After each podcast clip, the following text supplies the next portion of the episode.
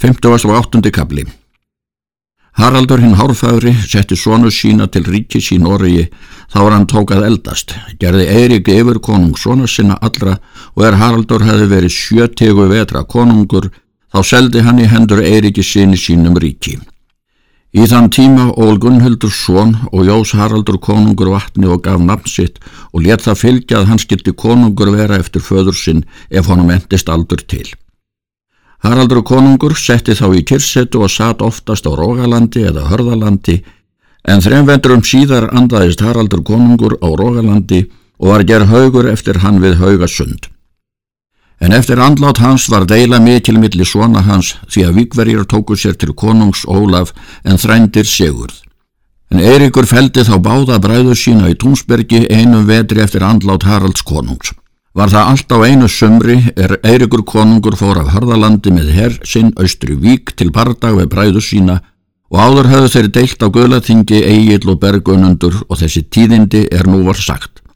Bergunundur var heimað búi sínu þá er konungur fór í leiðangur því að honu þótti óvarlegt að fara frá búi sínu meðan Egil var eigi úr landi farin.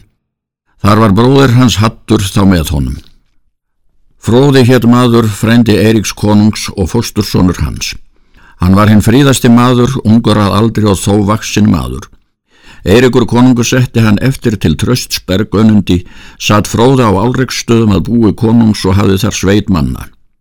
Rögnvaldur er nefndur sonur Eiríks konungs og Gunnhildar. Hann var þá vetra tíu eða ellefu og var heið fríðasta mannsefni. Hann var þá með fróða er þetta var tíðinda. En áður Eirikur konungur reri þennan leiðangur þá gerði hann eigil útlaga fyrir endilangan Norig og dræpan hverjum manni. Arembjörn var með konungi leiðangri en áður hann fór heimann þá lagði eigil skipi sínu til hafs og hjælti útverð það er vitar heita út frá alda.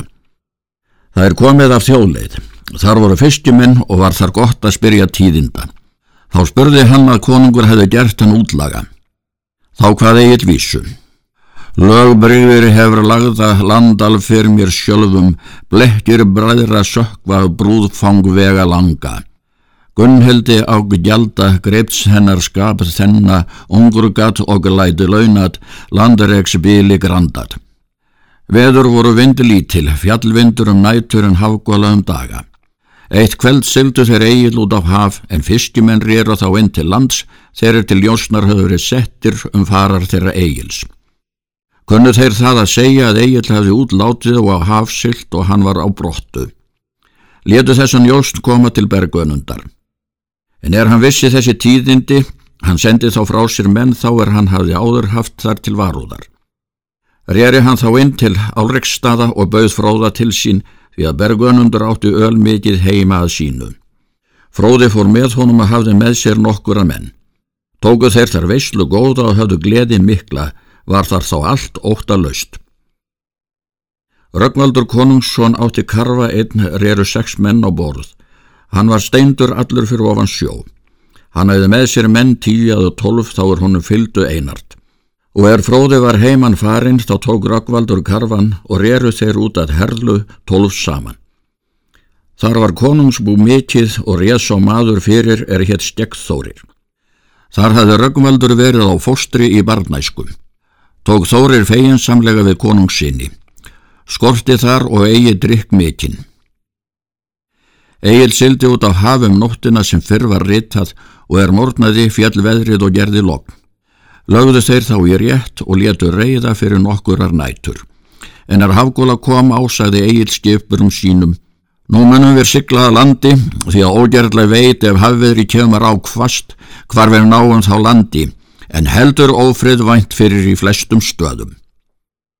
Hásettar báði eigil fyrir ráða þeirra ferð. Síðan tóka þeir til seglin og syldu endil herlu vers. Fengu þeir þar góða höfn og tjölduði yfir skipi sínu og lágu þá um nóttina. Þeir höfðu á skipinu lítinn bát og gekk eigil þar á við þriðja mann. Reri hann þá inn um nóttina til herlu, sendi þar mann í eina upp að spyrja tíðinda og er svo kom ofan til skip sagði hann að þar á bænum var Röggvaldur Konungsson og hans menn. Sátu þeir þá við drikju, hitti ég einn á húsköllum en var sá öl óður og sagði hér skildi eigi minna drekka en að bergunundar. þótt fróði væri þar á veyslu og þeir fimm saman. Ekki hvað hann þarf fleira manna en heimamenn nema fróða á hans menn. Síðan reyri Egil aftur til skips og bað menn upp standa og taka vopn sín. Þeir gerðu svo. Þeir lögðu út skipið um akkeri. Egil let gæta tólmenn skips en hann fór á eftirbátinn og þeir átjáns saman, reru síðan inn eftir sundum. Þeir stiltu svo til að þeir komu um kveldiðin á fenring og lögðu það til leinu vokseins. Þá mælti Egil. Nú vil ég ganga einn upp á eina og njósna hvers ég verð vís en þér skulu býða mín hér. Egil hefði vokk sínstögir hann var vanur að hafa hjálm og skjöld gerður sverði, högspjóti hendi. Síðan gekk hann upp á eina og fram með skógin okkurum, hann hefði dreyið hött síðan yfir hjálm. Hann kom þar að er sveinar nokkurir voru og hjá þeim hjartíkur stórar og er þeir tókust að orðum spurði hann hvaðan þeir væru eða fyrir hví þeir væru þar og hefðu hunda svo stóra. Þeir maldu. Þú mund vera all heimskur maður, hefur þú eigi heyrt að hér gengur björnum eina hinn mesti spellvirki, drefur hér bæði menn og fjenað og er lagt fjett til höfus honum. Vögum við hér hverja nótt á aski yfir fjevoru er byrkt er í grindum en hví ferðu með vopnum um nættur. Hann segir, ræðist eg björnin og fáur þykir mér sem nú fari vopnlausir. Hefur björnin lengi eld mig í nótt, eða sjáuð hann nú, þar er hann nú í skógar nefinu. Hvort eru allir menn í svefni á bænum? Svetnin sagði að þeir bergunundur og fróði myndu endrekka. Þeir sitja nætur allar. Segið þeim þá, segir Egil, hvar björnin er en eg verða skynda heim. Hann gekk þá á brott en sveitnin hljóp heim til bæjarins og til stofunar er þeir drukku í. Var þá svo komið að ellir menn voru sofafarnir nema þeir þrýr önundur og fróði og hattur. Sveitnin segir hvar björnin var. Þeir tóku vopn sín er þar hengu hjá þeim og hljópu þegar út og upp til skógar. Þar gengu fram skógar nefa mörkinni og runnar í sömum stöðum. Sveitnin segir þeim hver björnin hafi verið í runninum. Þá sáu þeir að leimarnar hræðust þóttust þá skilja að björnin myndi þar vera. Þá mælti bergunundur að þeir hattur og fróði skildu fram renna milli megin merkurinnar og gæta að björnin næði eigi skóginum. Bergunundur rann fram af runninum. Hann hafði hjálm og skjöld, gerður sverði en kesju í hendi. Egil var þar fyrir í runnunum en engin björn og er hann sá hvar bergunundur var, Þá brá hann sverðinu en það var höng á meðalkablanum og dró hann hann á hönd sér og létt þar hanga. Hann tók í hönd sér kesjun og rann þá fram í móti bergunundi og er bergundur sá það þá gæti hann rásin og skaut skildinum fyrir sig og áður þeir mættust þá skaut hvor kesju að öðrum. Egil löst skildinum við kesjunni og bar hallan svo að reist út úr skildinum og flög í völlin en Egil spjót kom að miðjan skjöldin og gekk í gegnum langt upp á fjöðrina og varð fast spjótið í skildinum. Varð önnundi þungbar skjöldurinn. Egil greip þá skjóttu meðalkabla sverðsins. Önundur tók þá og að bregða sínu sverði og er Egil var brugðið til háls þá lagði Egil í gegnum hann með sínu sverði. Önundur rataði við lægið en Egil kifti að sér sverðinu hart og hjó til önundar og afnær höfuðið. Síðan tók Egil kesjuna úr skildinum. Þeir hattur og fróðu sáu fallbergunundar og runnu þangað til. Egil snerist í mótið þeim.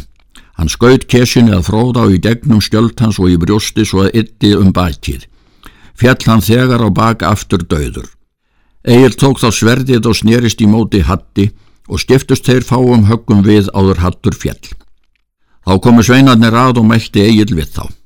Gætið hér til önundar húsbonda eðvars og þeirra félaga að eigi slíti dýr eða fugglar hræð þeirra. Egil gekk þá leið sína og eigi langt áður félagar hans komi í móti honum 11 en 6 gættu skips. Þeir spurðu hvað hann hefði síslað. Hann hvað þá vísu. Sátum línst til lengi ljósens börfið þeima, meir var hvef forðum fjarðalna hlaut skardan. Áður bergunundur benjum bensæfðanleg venjask, Bros niður að felt beðju, blóði, hatt og fróða. Þá mælti Egil, við skulum nú snúa aftur til bæjarins og fara hermanlega, drepa menn þá alla er við náum en taka fyrir allt það er við meigum með komast.